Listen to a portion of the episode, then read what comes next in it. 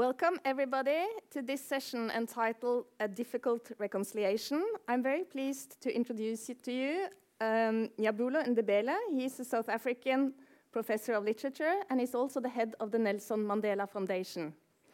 And then next to him is Harald Gaski, who is professor of Sami culture and literature. Warm welcome to both of you. Thank you very much. Thank you.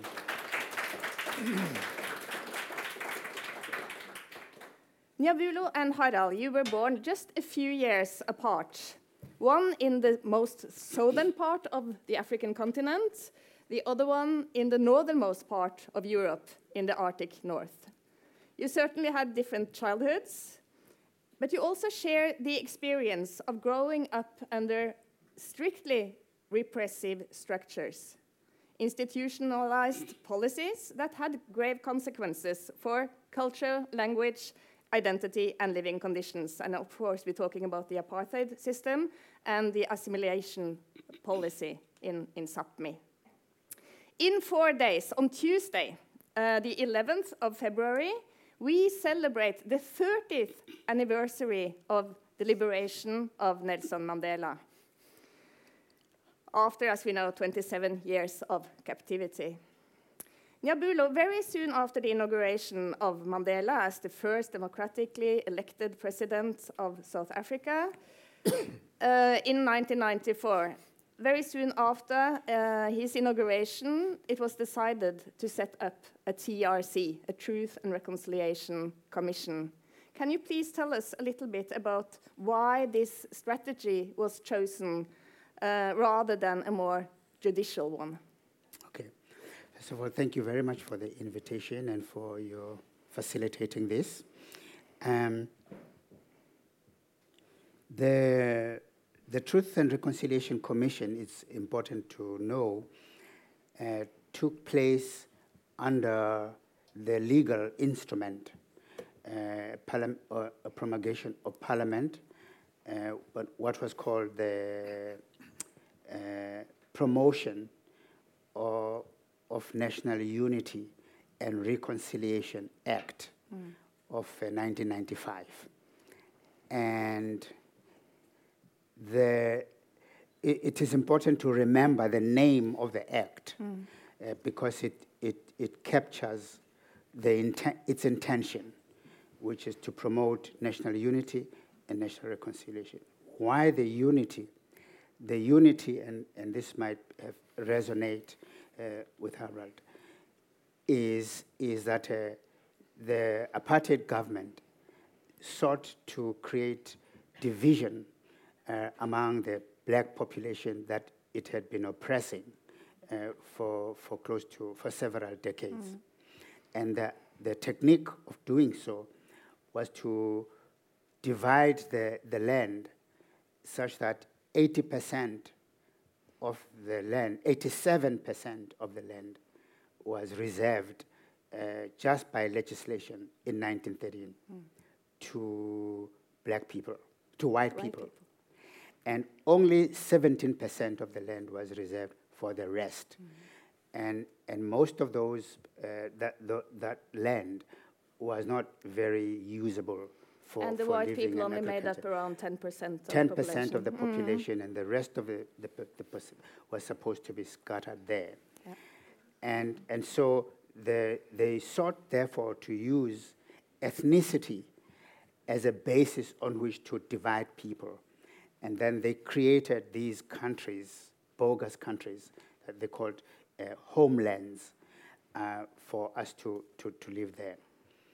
Now, the first pro project uh, of, among the first projects uh, of Mandela's government was to consolidate the, the land back into a unified uh, country mm -hmm. with uh, one set of borders uh, and, and a common constitution. And, and, and everything that was done immediately after 1994 was to achieve that. Mm. The other one was a it's, in, it's not enough just to say, okay, now we're back together again. But how do you actually achieve that? And, and the choice was to avoid a legal instrument because in which uh, you find someone guilty and, and, and another one not guilty. And it, everybody understood that in order for you, that was too technical because the situation was a lot more complicated than that. So this, the state under Nelson Mandela sought rather a kind of moral uh, values-based solution mm. uh, about that people call restorative justice uh, rather than lead the legal mm. justice. Mm. And restor restorative justice allowed, therefore, for the act to, to do certain things. Uh, three things. One, uh, to, to, to decide, to make a decision that uh, why perpetrators who came before the, the commission to tell the state to declare what they did, uh, they would win amnesty. Mm-hmm. Then there was also an instrument to say that those were, that were victims of human rights abuses by the, uh, the, apartheid state can be re- recompensated and, and, and re- restored in, into ordinary life. And then the, there was also another, a, a third one, which was uh, designed to, to, to determine exactly the precise nature of the human rights violations mm. that had been caused. Mm. So, so, it is those three instruments mm. that, that were used to give effect uh, to, to the act. Thank you. We will yes. come back more in detail okay. to these issues. okay. But Harald, two years ago, or actually two and a half year ago, in 2017, the Norwegian government decided to start preparing a reconciliation process uh, dealing with Sami and Kven Norwegian fin Finns um, issues. Can you please tell us also a little bit more about it and uh, what is the official mandate of this reconciliation process in Norway? I was expect, expecting that uh, question, so therefore I made some notes exactly for that part. because I, am I'm, I'm not a member of that commission, but it uh, but you're right about the establishment. Just to give us a little yes, bit about yes, exactly no, because it's yes. it's. Uh, the, the, the, mandate is actually to investigate the assimilation politics and in, injustices by the Norwegian authorities towards the Sami, the Kven, and, uh, and the Norwegian Finns. But also, uh, as part of that, it, uh, they aren't going just to look at the, what, the past, uh, but, uh, but also look at uh, what call to actions or what, measure, what measures can be taken to, to improve the situation and, and, and to because so the consequences of assimilation and this Norwegianization process, uh, the, it, uh, the, the, consequences we actually see today or the last uh, last few generations have been suffering more from that than actually the uh, what was the case during that part, uh, mm. time of period of time. Could you please explain a little bit more?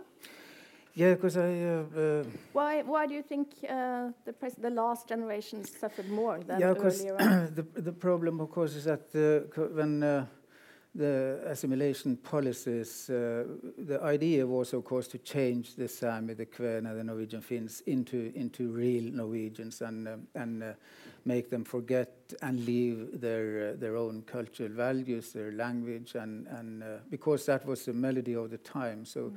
so it happened not only in Norway, but, it, but also in Sweden and Finland, and, and, and also to some extent in Russia. So, so like with all the minorities, other, uh, other places in the world.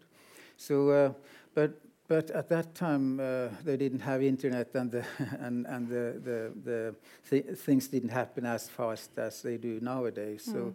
So, so it still took some time before we started to see the consequences of, of that, poli of that policy and, mm. and that those politics. So, uh, so, uh, uh, so it took some time before uh, before people actually stopped uh, speaking Sami to, to their children. Mm. Their parents did that because uh, uh, in, in the first part of the, that process. Of course, everyone was uh, opposed to it and skeptical to it and didn't understand the, the, the, idea behind it because it wasn't explained. It was just it was a claim. It was uh, something that you needed to do, and, and you got all these instructions within school and church and, and all kinds of uh, official. Uh, the, mm. the, bureaucratic part of the, mm. the country. Mm. So, so it took some time before it actually uh, it, it, actually had the real bad consequences for the people. So, so what, what we and what we see today when, when people are we have all this revitalization going on, both uh, concerning the language and culture, is that that nowadays several other young people who who uh, are taught Sami at home they have they they still can't speak Sami with their with their uh, grandfa- mm. grandparents mm. because they have they don't know Sami because mm. they were stolen uh, or their language was stolen from from them. We'll come back more in detail of the talking about the language issue and the loss of languages. um, but I also thought about uh, if we compare the period in the 90s um, in South Africa and in 1996 when the first Truth and Reconciliation hearing started, it received a huge amount of interest and coverage in South Africa. Every evening on the SABC, the South African Broadcaster Corporation, the public service broadcaster, the equivalent to our NRK here in Norway, there were um, every evening uh, stories coverage of the TRC. Um, while in Norway, we haven't heard very no. much about the reconciliation uh, commission's work so far. Yeah. Exactly, and that's because I, uh, of course, there are big, big differences between South Africa and, and Sapmi, Samiland, and, and the situation, the historic situation, and so on. So, so uh, what we uh, often uh, draw parallel to is, is what happened in Canada yeah. with the Canadian uh, mm. Truth and Reconciliation Com Commission. And and they and there too, which is more recent as well. They finished yeah. their report five years ago. Yes, yes. exactly. Mm -hmm. And uh, and there uh, also they got a lot of coverage mm -hmm. in national or national news and and and actually everywhere. So mm -hmm. the, they uh, they broadcasted and even showed uh, several of the of the gatherings where people gave testimonies and so on and so on on TV. While in Norway there's actually total silence about it. And how do you explain that, Harald? What do you think? why? Well, I think there's an agenda behind this uh, from the authorities' side, uh, because they, uh, well, not that they, they try to silence the journalists, but, but actually it, it's, uh, the, it was established in a sense that, uh, in the way that, well, we need to do this. There was no enthusiasm behind it from the authorities' side, and, and also no promotion of the work and, uh, and and anyway, in any way uh, to create some interest and, and, enthusiasm behind it. So, uh, so uh, because uh, well, maybe they don't want uh, want this to be so uh, so public and, and don't want it to get so much attention because it, it is a sad story, and and when you don't get the attention and you don't create any national interest for it, it's also much easier to when the report finally comes, it'll it will then be get some some notice, I guess, and some attention, but still, it, the the archival material might be even more interesting seen from the from the authorities' point of view. So, mm. so I'm a, I'm a bit afraid we that we, we also from the Sami side we need to be more active, the Sami, Kven, and the Norwegian Finn side, more active in, in creating this interest and uh, and and also in a way pushing and and and uh, claiming for for bigger attention to to what's going on. Hmm. Interesting. I was thinking um, also about in South Africa, as I said, the, the, TRC got a lot of media coverage, and all these individual stories were very powerful in telling the decades of oppression during apartheid. Um, perhaps some would argue that when it came to a more structural level, uh, the TRC was less successful than it was when it came to bringing the individual stories into the official or public light. What would you say to those who claim that it was more problematic what came out of the TRC on a more structural level of society?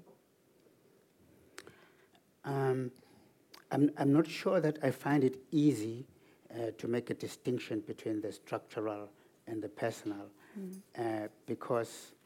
Um, but I, I, I'll comment in some detail on that because th- somehow things are inter- interconnected.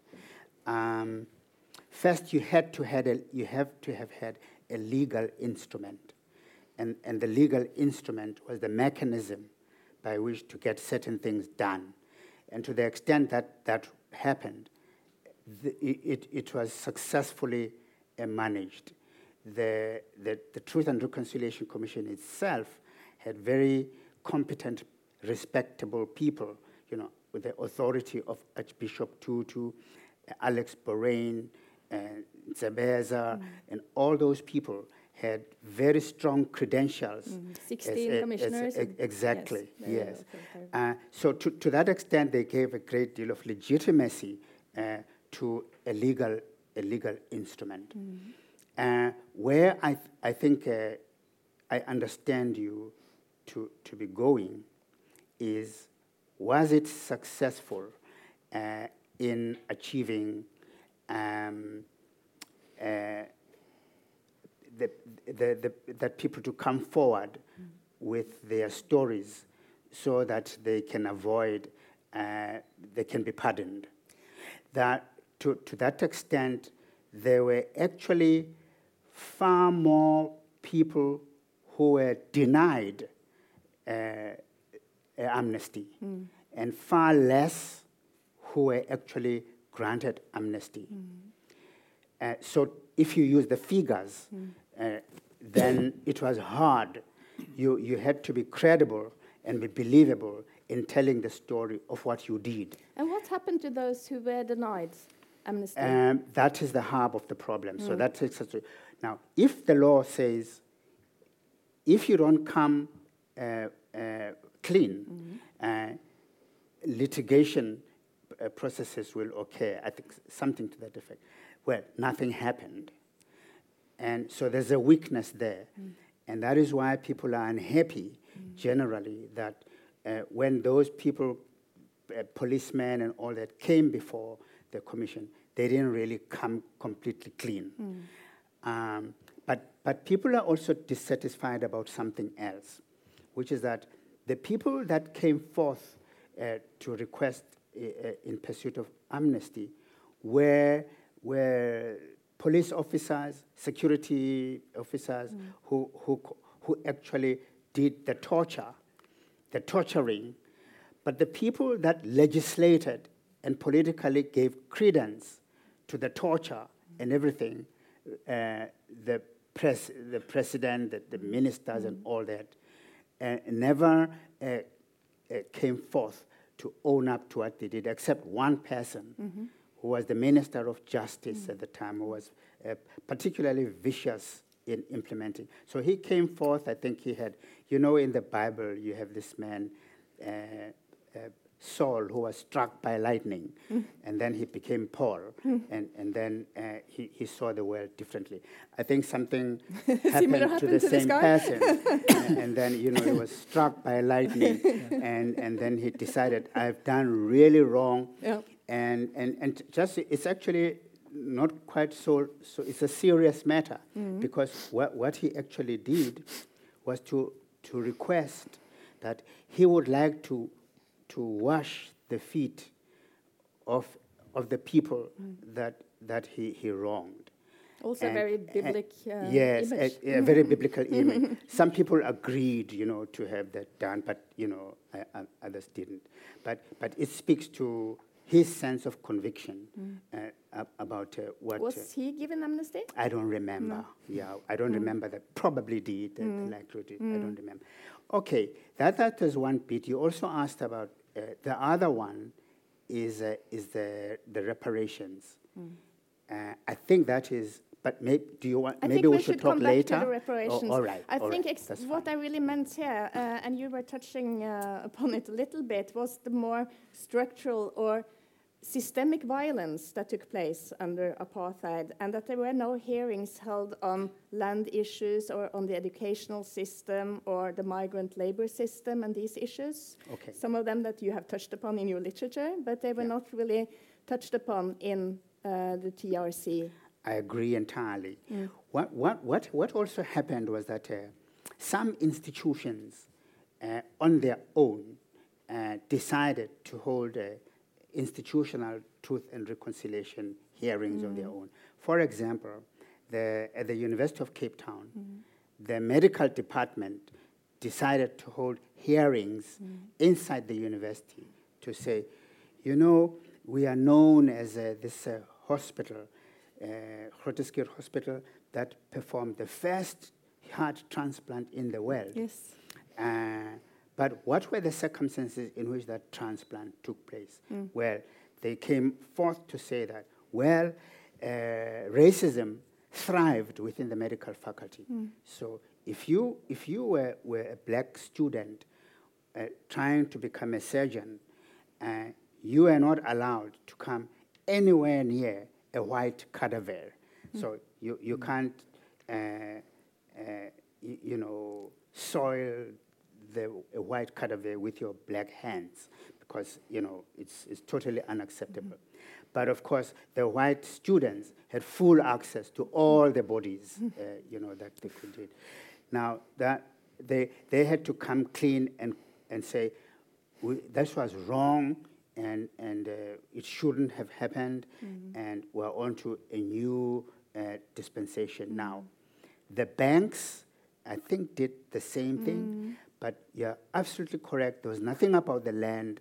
The, there was nothing about the big officials uh, mm. coming uh, uh, through. So there were some silences. Yep that legitimately people are not happy about. And also the role of companies. the role uh, of companies. Collaborated with right. the, um, right. and made money from also. That's the, right. The yes. system, yes. Yeah. Uh, you mentioned, Harald, the Canadian one as well. We don't have a Canadian uh, hmm. writer here, but I think it's interesting to see because it's also quite recent one, uh, as we said, from 2015. Uh, when the Canadian Reconciliation Report uh, came out, they concluded that Canada had participated in cultural genocide. Yes. Which is, uh, and they were mentioning the residential school system. So they actually took it up to that structural mm. level. Um, and uh, I think this is very interesting uh, as a background to uh, what you're going into now uh, when it comes to uh, your own TRC process. It's a very strong expression, cultural genocide. Um, how does it resonate resonate with the Sami experiences in your? Yeah, and uh, I guess that is a, a, a, thing that will be discussed within the commission, and uh, and I've heard already some voices that are opposed to using that term uh, when it comes to the Sami assimilation pol politics. But what do you think? But, uh, but I, well, for the Sami, it is obvious that that was the case. And, and, uh, and uh, one of the things, uh, I think more, a lot of you have seen the, the Swedish movie Sameblod. Sami blood, which is about uh, the the situation on the Swedish side and and the. Please explain very yeah, shortly. it's because they um, on the Swedish side uh, the assimilation politics actually was even stronger and and more more harsh than in Norway. So so there they also had. Uh, this exclusion uh, uh, within uh, educa the educational system that um, that the Sami kids they were sent to uh, nomad, nomadic schools, uh, where there actually was a, a, a, law or a well, more kind of a law, at least something that uh, that uh, hindered the, the Sami kids to go on to gymnasium and, and then university studies. So, so yeah, mm. so they uh, so they actually were stopped there. So they got some education in order to learn to read and write, but they, they never could make an academic career. Mm. So um, while that wasn't the case in Norway and Finland, but but still the the the the, the, ideology behind this assimilation politics was the same in all three countries, and, and to get rid of everything having to do with Sami. So, uh, which, uh, which actually we see uh, very clearly nowadays uh, with this revitalization process that, uh, that people they try to learn their language, but, uh, but uh, learning the culture and culture practices and, and the worldview and, and everything connected to what it was to be a Sami traditionally. the, the, it's nothing about that because uh, there are no, no textbooks, no, no school material that de deals with those uh, issues because that hasn't give, been given priority within the Norwegian school system. And even the problematics now with, the, with having the Sami parliaments in all three countries is that, that they only are allowed to, to uh, create uh, text material for schools in Sami. Mm. And knowing the Sami language situation, for example, in Norway, where we have five Sami, different Sami languages, mm. three that actually are uh, up and going, means that, that the Sami parliament will use most of, uh, distribute most of the money on, on the basic uh, things that are needed within schools. Mm. So, so they, they uh, and again, you have this huge ma majority that uh, will not be ed educated in Sami issues, and even um, uh, the worst thing is actually the, the people they managed to Norwegianize, who lost their Sami language. They suffer most now because they are not able to, to utilize the, the text material produced for school in Sami, and they don't get anything in Norwegian. And neither do the Norwegian population, mm. neither, because uh, it is, uh, th that's actually structural mm. violence.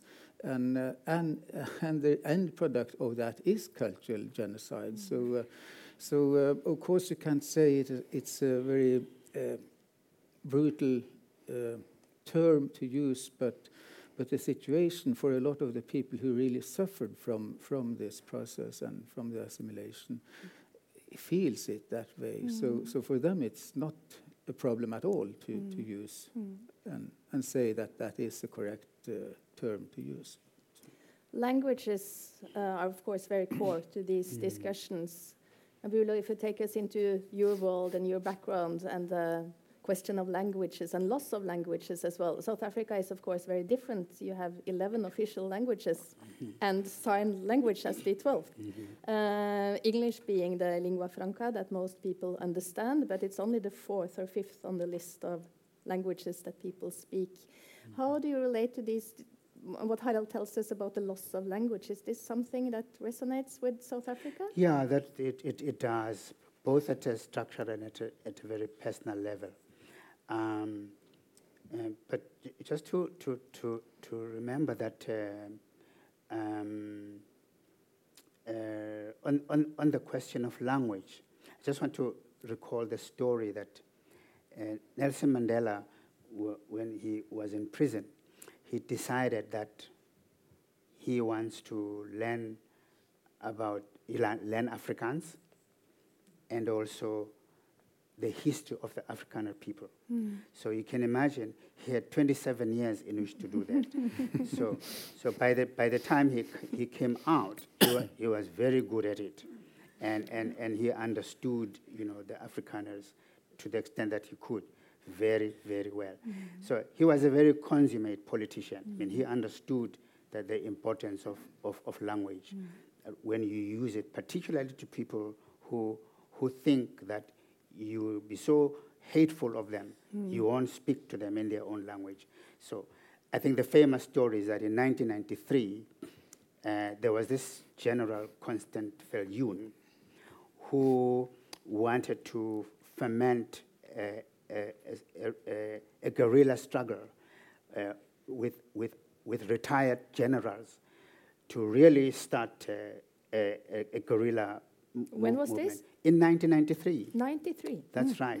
Now, perhaps the, perhaps the most well-known uh, ev event as an outcome of that decision was when some of, of the foot soldiers went to to Bophuthatswana, mm. which uh, interestingly was one of the states that was, was created by the apartheid government. They, they just went there and started shooting any black person, you know, in sight. And, and uh, this, uh, again, another paradox is that the, the army that had been created to support Bophuthatswana uh, intervened to protect the population. Hmm. The, the most uh, uh, memorable aspect of this was how the whole thing ended. It ended when uh, four or five of these, this ragtag army, were on their knees begging for, for forgiveness mm-hmm. and begging for their lives. And in the full view of cameras, were shot, you know, one, mm. one, one by one. Mm. Woo, that was a shock for everybody. But it had a, a different effect on the population. For the Afrikaners, it was, oh, our world is ending now. Mm. But for the majority of the oppressed people, black soldiers shooting these people mm. was a who it can be done, mm. you know, to, to the person, the representative of all the things that we, we have suffered. And we Uh, must remember the context here that a lot of people were scared that there will be a And they were scared, exactly. and, There's uh, going to be a know, a civil war. Yeah.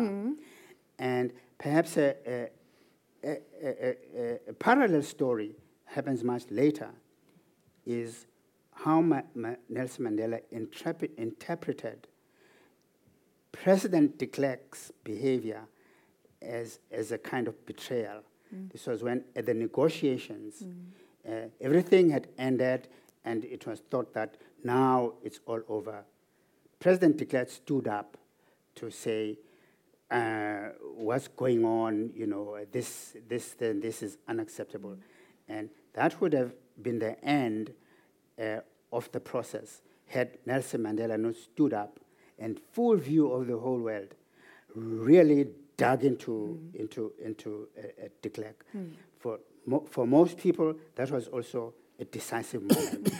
so the, the, the, the thing is that he, he, sp- he spoke to the generals and everybody in Afrikaans and, and all that. That's, just- that's the power of it. And he understood that if you win, if you win your enemy's friendship and trust, uh, you've, you've won, you know, uh, the, the war. I think that is what that led to the ultimately to the constitution, the 11 of official, official languages hmm. be, becoming uh, so, because there was a question which one was going to be chosen. Hmm. So let all of them be empowered, hmm. you know, in that kind of way. It was a very powerful way of, of doing it. So what you're emphasizing here is how language play a very important role in reconciliation. absolutely. Yes. The, the, the, the national anthem, which is just, has got three, it has got three languages. Uh, it, it starts in, uh, uh, in Zulu, then switches to Sesotho, then switches to Afrikaans, then switches to English. So we've got four languages in one national anthem. I remember the Yeah. evening news at the SABC in the 1990s when they tried to say good evening in all 11 languages and sign language. Yes. That was quite amusing. That's right, yeah. yes. There- it a- didn't last very long. That There- there's a story that in the early stages of implementing the policy, uh, Mandela was somewhere and they started singing uh, the national anthem. They sang the old one, the first two verses, Mm. and then stopped. And then he said, You have not finished singing the anthem. I mean, he had the authority. And then they continued Mm. to finish the whole thing. So, uh, uh, but now we are so used to the four languages Mm. that uh, some people are questioning it. But personally, I think we've got to hold on to it for a while Mm. uh, until we settle down even better. Yeah. That's, by the way, a brilliant idea for the Sami as well, because you know we have the Sami national anthem, but we're also go going to get a Sami national yoik, the, the traditional Sami singing, the vocal Yes. genre, and uh, and for that they have already chosen a, a, a, text by a very famous Nils Aslak Valkeapää, uh, uh, our most renowned Sami artist, multimedia artist, and and his text uh, is of course in in North Sami, which was his language, but. But to have that repeated in, in both Lule and, and South Sami, which are the three main, main dialects in Norway, Yeah. that would, that's Yeah. a great idea. Yeah. We'll, we'll buy that one. Harald, please continue. Explain a little bit more about the uh, position of yoik uh, in the Sami culture. For those of you who were at the opening yesterday, um, we heard some very interesting uh, modern yoik, which was Yes. both modern and uh, traditional at the same time. What is what does joik mean in the traditional Sami culture? Yeah, that's really, uh, uh, it's very crucial. It's really one of the basics for, for a lot of uh, things within Sami culture. It's actually a way of communicating. It's, it's also a way of giving you a name. Because uh, uh, as a child you get a Dovit now, which is uh, a very easy joik that one of your parents or grandparents gives to the kid. And then seeing how that kid develops its potential. The joik may be uh, modified and, and changed. Mm -hmm. So, mm-hmm. so when it grows up wow. to uh, becomes uh, an adult, uh, the joik will then be the, that personal melody describing that person's psyche, actually potential psyche and, and the prospects of that person. So, so that's uh, that's the personal side of it. But but joik has also been um, used as uh, as a means of opposition. So actually, the during the time of colonization. Uh, the Sami way of reacting against the colonization was uh, well political in one sense, but they very soon realized that if they are too um, criticizing the authorities, the church too too harshly, then they will be killed or imprisoned. Or uh, so so the Sami opposition had to go underground and stay within Sami. So so uh, in order to uh, to develop and to uh, function more unifying, the joik was used as a way of expressing the, the, the opposition towards uh, or against colonization, because the, the, the, ministers and some of the official uh, persons. Uh, clergymen, uh, policemen, and had some had gained some uh, basic uh, knowledge in Sami, so so they would know if the Sami were organizing uh, a revolt mm. or anything like mm. that. So so therefore they had to to go underground with that with the, that opposition, and that developed. Actually, you, was the first part uh, or or first stage of, of, of Sami literature as well. So, because those texts are long and they uh, they are really good mm. also uh, as literary texts. So, uh, so they have been inspiring a lot of the Sami poets uh, current poets as well. So, so joik is still living living on, and, and, and you know during the Alta conflict it was used really as a way of op opposition. So you must say three words about uh, the Alta conflict yeah, because it's related to land, so it's actually quite interesting for the South African question as well. Exactly because a. Um, and, and actually, like my uh, First Nation colleague from Canada says, that uh, it, when we talk about colonization and we talk about assimilation, but it's actually all about the land. And, and we see that in, in current Sapmi today as well, that uh, this green energy is green for the for the urban people, but but you have to put all the windmills somewhere, and, and they are put in on barren land as as uh, the urban people will say. Mm. But that barren land is where the reindeer graze and where, where uh, the birds should be uh, able to, to, uh, to fly freely, but then they keep getting killed by all these enormous big windmills. So, so, so it, it is a paradox, uh, really, that we uh, we are creating what should be the future, but, but in that future there is no place anymore for, for the traditional living of uh, traditional livelihoods of the indigenous people of the land. And the Alta conflict was perhaps a wake-up call for many Norwegians to, to understand some of these issues, don't you think? It was, and, uh, and therefore we need something like a new Alta case again to, to get that, uh, that um, solidarity alive again because uh, now everything is so so modest in Norway and so complacent, and we we really the richest and big, best world in in the in the whole, best country in the whole world. Mm. So so so so everything is so there's really, really we need no a new conflict. Yes, obviously. I was going so to ask you uh, also, Njabulo, do you need a new conflict? And then uh, I thought, well, you already have at least one ongoing conflict. You have the student conflict, you have the student demonstrations that are still going on in South Africa. You, you mentioned the University of Cape Town, and that's where uh, the whole, um, well, the student demonstration started a few years back, um, where um, the campaign Rhodes Must Fall, or the decolonizing of uh, the universities, started. I remember that I read that you wrote that your first reactions to the students' pro protests when they burned the portraits of, uh, of some historical colonial figures was, they are burning memory. Yeah. And that made an impression on me, and I would like us to talk a bit about memory as well. And why did you, react uh, in that way to the first uh, days of the student demonstrations, uh, The Rhodes Must Fall? Yes, I remember that very vividly. Uh, I was uh, very badly affected by it uh, Why?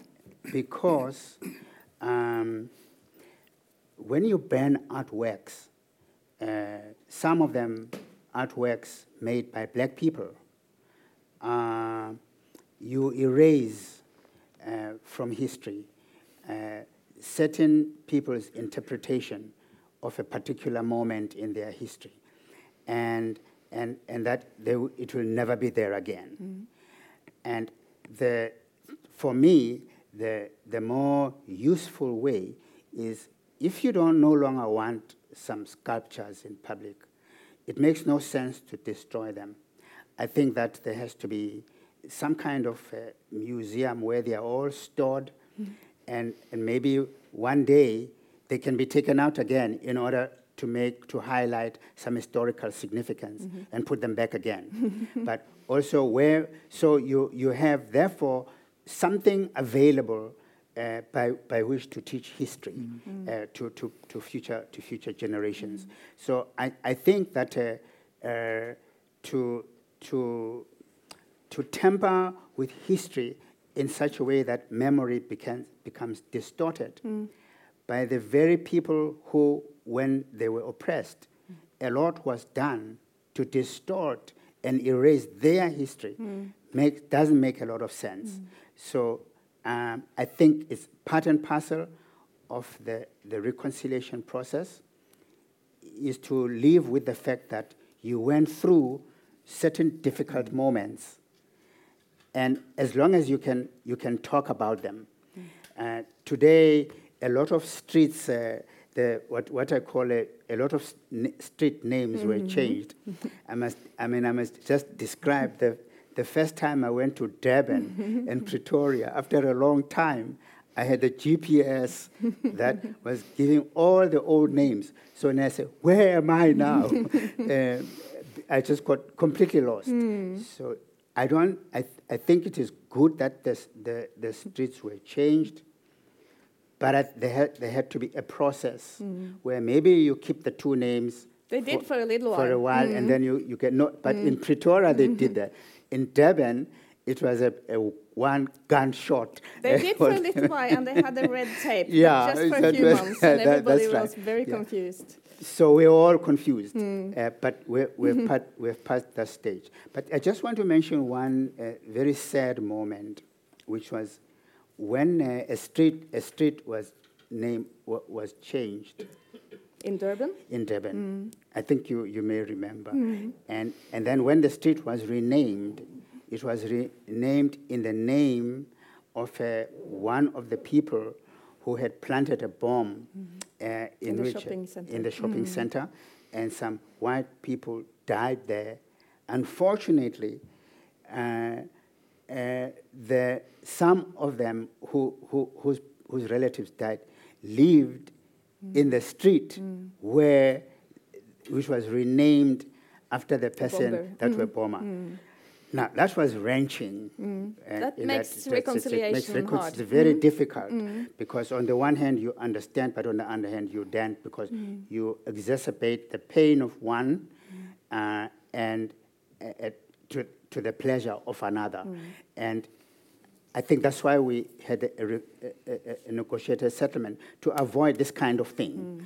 And I don't remember how it all ended, so I couldn't follow it up. It's still there. It's still yeah. there. Okay. But they actually named a kindergarten um, after they? one of the victims of oh, the bomb to try okay, to, to, to, balance up yes. things, yeah. So it's a fine line to walk. You don't want to erase all history, but still parts Yeah. of it is very hard and difficult to remember. Yeah. I mean, uh, Nelson Mandela once said uh, ar- around the negotiating uh, process was that you, you can never start on a clean slate. There's never a clean slate. there's always history uh, to deal with, and and you shouldn't expect a clean slate. So things are, are never going to go smoothly all the time, and they will not go badly all the time. You had that uh, thing with changing names in Sápmi as well, haven't you? Yes, uh, and uh, in the 80s uh, and early 90s, uh, when we started to get Sami road signs, some of the road signs were actually actually shot at. So uh, Mm. because it created so much stress and mess uh, in, in the local communities and also Mm. opposition to that. So, but those things have changed. So, so actually there are a lot of good things also coming out of the process. But I was just thinking of commenting a bit on, on the on the concepts. We talk about truth and reconciliation commission, and and truth of course is truth, but but but truth also is see, which perspective do you see the truth from? But reconciliation is a bit more problematic because, in a way, it, it implies that you, you have had a harmonious relationship earlier, and that's what you want to restore mm. and get back to again. But seen from the indigenous point of view and from the minorities' point of view, it, it hasn't been like that. There was no harmonious relationship ever. Mm. So, so, so in a way, what, what the authorities are expecting with this reconciliation thing, part of the process, is that, that we are to give even more because both parties then give. Mm. And they say, well, we can, it can't be just the authorities who give, the, the, the minorities will also have to meet some mm. standards to this. Mm. So, so, and again, also this, the whole decolonization thing also is problematic in the sense that, uh, that you still have the emphasis on colonization. So that is the defining term and concept. So, so in, in, in uh, indigenous studies, we've moved beyond that and talk about uh, transformation and, and like trans-indigenous studies, which, which the trans first part then uh, allows for, for all kinds of, of definitions, having to transformative or, or, or even trans, that you also open up for more, more, uh, more perspectives to it. So. So, so language really is defining and, and, and, and, and de- decisive. Very much so. Talking about opening up for more voices, I would very much like to introduce also uh, the dimension of women to our discussion. Very often we see that uh, during resistance processes, uh, revolutions, women play a very important role. And then in the post revolution society, whatever that is, uh, it goes back to normal again, which means the, uh, a society where men are in power in most cases. Um, and that nothing much changes in terms of gender equality. Uh, in Sami history, women have played a very important role, and uh, I think most of us now have heard about Elsa Laula Renberg, who was actually the fo founder of the Sami National Day that we celebrated yesterday, uh, who uh, initiated the first Sami Convention, I believe it was more than 100 years ago, 1917. Um, she was also midwife. I was thinking of that yesterday when you mentioned uh, the midwife part of your personal story. And um, she was the first Sami woman to have her writings published. Yes. So there are some very strong uh, female um, characters in, in the Sami history. You have written, Harald, about Sami women breaking with convention. Um, what does it involve? Well, yes, that was also seen partly from the majority's point of view that uh, in order to, to, to make it accessible and understandable from the majority's point of view, because in Sami reality, the women actually have been in charge and, and having the. So, so we, thank you for trying to include us. yes, it's- so we, because we, uh, so so we, the normal situation for the Sami is that the women decide, but they also decide that the men do the job. So so they are the like Elsa Laula was really the ide- ideologist behind the whole whole first gathering and also the.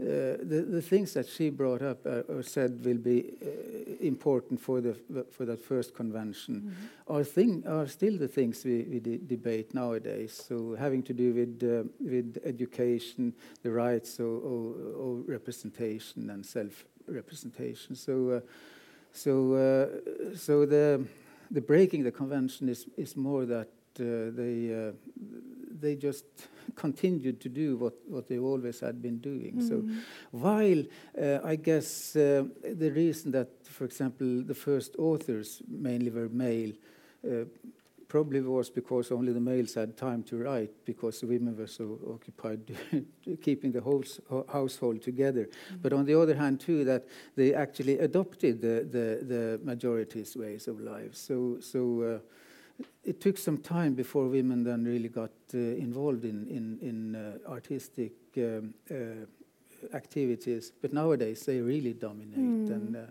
and, like, and, and, and the interesting thing also seen from the indigenous point of view concerning arts is that, uh, that it, uh, well, it, it, sounds like a cliche, of course, this holistic perspective, but, but actually it, it has something to do with, uh, with uh, being close to earth and, and knowing how things function in, in a, on a daily basis, that, that you, you don't make those uh, rigid limits that this is visual art, this is music, this is mm. literature, and so on and mm. so on. So, so, so being a multimedia artist for, for a Sami is just a, a natural thing to mm. do. So, like uh, Niillas Holmberg, whom you heard yesterday, mm. he, he's a singer, he's a poet, he's an artist in, in, in all ways. So. Mm. Uh, every way, so so it's natural, mm. and and and uh, and uh, when we got the Sami parliament, that was also uh, construed or uh, designed uh, according to the Norwegian parliament or the parliaments the way they were. So it took some time before the, the, the women re really saw the potential in that to, to, to take over the whole parliament like, like they've done now. So, uh, so Gro Harlem Brundtland like to, to, to be to talk about the, the, her first government uh, having so many women in it, uh, but that's really the, the usual case for the Sami nowadays. Yeah, you've written this beautiful, strong novel about the cry of Winnie Mandela and the story about the waiting women that you had a very nice discussion with Tony Woll about yesterday. Mm. Um, why did you choose that female perspective in, in that book? Or those female perspectives because there are several of them, yeah. the waiting women. Yeah, I mean, it's very interesting. Uh, earlier, you were talking about uh, the assimilation uh, process. Uh, for, for us in South Africa, it was exactly the opposite. There was no attempt to assimilate, no, exactly. mm. but there was a, an, an, attempt to, you know, mm. keep at bay. Mm. But that has a very severe consequences if you consider the fact that uh, if you, you are kept at bay, but your family structure is hollowed out mm. by the fact that the whole population that is black uh, has been turned into a, a, worker population, like working bees, generally. So um, the, the factories and the mines and all that uh, uh, simply absorb all the men into the mines, leaving the women alone to, to, to bring up the children. Mm. And that, that is a, is a universal experience of uh, hundreds of thousands of families, has been so mm. for, for the last hundred years. So you can imagine, therefore, the, the devastation on family mm. values, the issues of inheritance, family structures, uh, the relationships between men and women, which were regulated in some way in the traditional setting, mm. but the, the, then the system enhanced the power of patriarchy mm. uh, at the same time. So what we have today is, is how that the traditional system was subverted to serve uh, an, an, external interest. Mm. So uh, the, what uh, my, my mother, the nurse, uh, once my father became an inspector of schools, he left every Monday morning, came back Friday evening. For the rest of the time, for many, many years, he was away. Mm. So we were left with my mother. Mm. And she had to be the one bringing up, bringing us up and making sure that everything is. So I've experienced the, the effects of an absent men mm. uh, in a family. Mm. Now, multiply that uh, by a factor of, of thousands. Mm. You, you, get a replicated experience mm. with devastating consequences on mm. family life. Mm. So, um, uh, uh, so a part of, of this was also a reflection on what I saw my mother and other people who used to meet in my own house uh, once a week, just talking and having a drink. Okay, uh, so uh, that part was not an invention. It was I, I invented the characters, which was of, out of experience. And Winnie Mandela, of course, is the, f- the most famous one of them all. Of all waiting women. of the way of the waiting women, and it seemed it seemed a theme to explore. And as I explained uh, yesterday, wha- why, I- why I focused on her was that uh, I felt a, a connection, despite the fact that I disapproved of some of the things that were associated with her, but I felt a connection with her I think I understood what she may have been feeling uh, because I was seeing it every day. And uh, I was able to intuit, therefore, that profound sense of loneliness. Now I have been abandoned by my friends. What's left for me now? And, and she kind of hit out, you know, at that time. And it's understandable. And that, that tension was very important for me. Mm. And right at the end, the, some of the the difficult consequences is that when Nelson comes out of prison, they try to, to get together. Mm. They didn't they didn't have a, re, a truth and reconciliation among themselves because so they should have spent some time. So let's talk about this, Yeah. but they never did. And and according to to to Nelson, uh, Winnie he he would be waiting in the bedroom, and Winnie never came to the bedroom when he was awake. That's, that's what he said in the test in the court testimony. So it means that uh, these two people had become two different people, and Winnie did not want to become just a wife. Uh, she had her own power, and Nelson. I'm not sure what he wanted actually, uh, whe- whether, but I think philosophically he, he, he would have desired some kind of, of relationship that was mutually reinforcing. And, but it didn't happen, so they, they parted.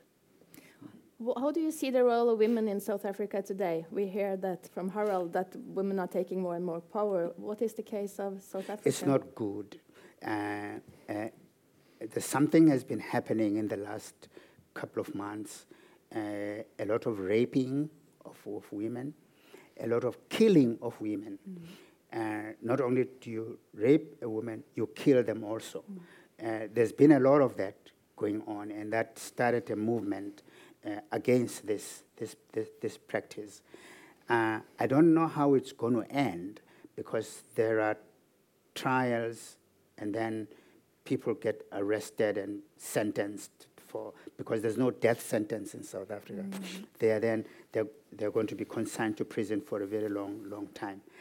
I I, I think that uh, th- something happened over the last 150 years to to family cohesion, and we've got to find a way of putting it putting rebuilding the family life somehow uh, across all, all, all population groups, including including the white people, uh, because the women there uh, under the Afrikaner culture were not particularly treated, you know, uh, well.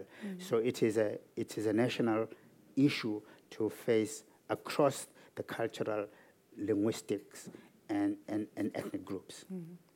Time is flying. I have so many more things I'd like to discuss with you. You mentioned a little bit the truth part, which I also find fascinating. We've been discussing reconciliation quite a bit.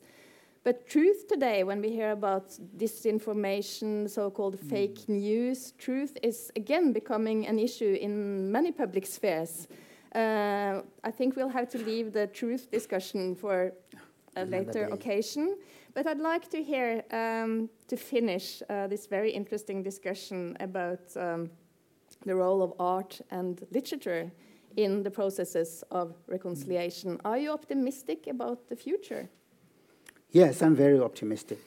Uh, I'm, I'm optimistic because, uh, as I, uh, I'm sorry, a lot of people were not may not have been there yesterday. I'm sorry for them yeah, as well. but yes. but but uh, but but the thing is that uh, uh, the the literature that young people are writing is what I have yearned for for three, 30 years. Yes, because you were and very critical in the happening. 80s. Yeah, that's right. Yes. It's, it's suddenly happening, and they are writing about very intimate. I mean, the last book I read was by a new writer, Nthikeng um, Mohlele, uh, who wrote a book called Small Things. And the whole book is mesmerizing. The language, the beauty, the poetry, and everything is about an obsession, an obsession with a, a, a- young woman uh, that he, ha- he doesn't have the courage to tell her he loves her. Oh. And, and, and, but over time, she, she becomes aware that he is interested. So, but it never actually works out. So sometimes, sometimes it works out, sometimes it doesn't. It's written in such a way that you get, you get mesmerized by, by the poetry. I mean, what more could you ask for? Uh, that, that is uh, the people who write about very intimate things that everybody is experiencing and get us to meditate at a, at a very complex level on relationships. And there's a lot of that that's happening now. Uh, many of the books by young writers, Angela Makholwa, who wrote a book called uh, Black Widow Society uh, of, uh, of Widows, uh, who it's a gruesome one because it's a sort of crime. Uh, when, when a woman gets ill treated by uh, her husband, they, she, can, she can join the widow, soc- Black Widow So it Society. resonates well with what you were and saying. ex- exactly. and then what they do is to get the man killed Mm. and, and then uh, get all the, the insurance and Mm. everything, you know. So uh, it's, it's, it's a gruesome murder story. So you get a lot of men being killed, and, and then these, these people But it still makes you optimistic about the future. Point, it make, it, from, from the point of view, from the point of view that it's entertaining crim, criminal stuff, uh, but. Uh, and she, she's playing with this thing. Obviously, she doesn't believe that peop, people should be killed. But uh, it's, ve- it's a very well told story. It's very engrossing. If you start, you won't put it down. I think we'll all read it. Harald, are you optimistic about the future? Yes, I am, and well, it goes with the job as well. Educating young people, we can't be pessimistic about the future. But uh, but I am, I actually am, because I, I see lots of good things going on. And again, um, I really wouldn't talk just about literature, because I feel the whole field of, of arts, Sami arts, uh, are really improving, and, and we're seeing the same kind of uh, uh, development we, even within the Kven society, where where for just a few decades ago everyone was so sure that this language was, would just die out. And, uh, and now they have literature of their own, and, and there are young people using it in, in rap music, in, in, in all kinds of these new, new ways of, uh, of, of performing. So, uh, so again, we, we see uh, that. Um, where politics and politicians tend to be very conservative and, and, and try to do it the, the old traditional way, we, we have this both the art and research walking hand in hand, where finding new ways of, of expressing themselves, ourselves, and, and also uh, engaging the whole society. So, uh, so, so really, the, the Sami, the whole Sami society is looking to the to the young people, to the artist communities, and, and seeing a bright future. And that goes with, with the Sami myth as, well, because it was like that. We, it started all it, it all started with a myth and, and a, a trust in uh, in the future based on the myth, and that's the myth we are returning to and see the bright future because of that. Wow, I didn't expect to finish on such a positive note. Thank you, both of you. Thank you. Thank you.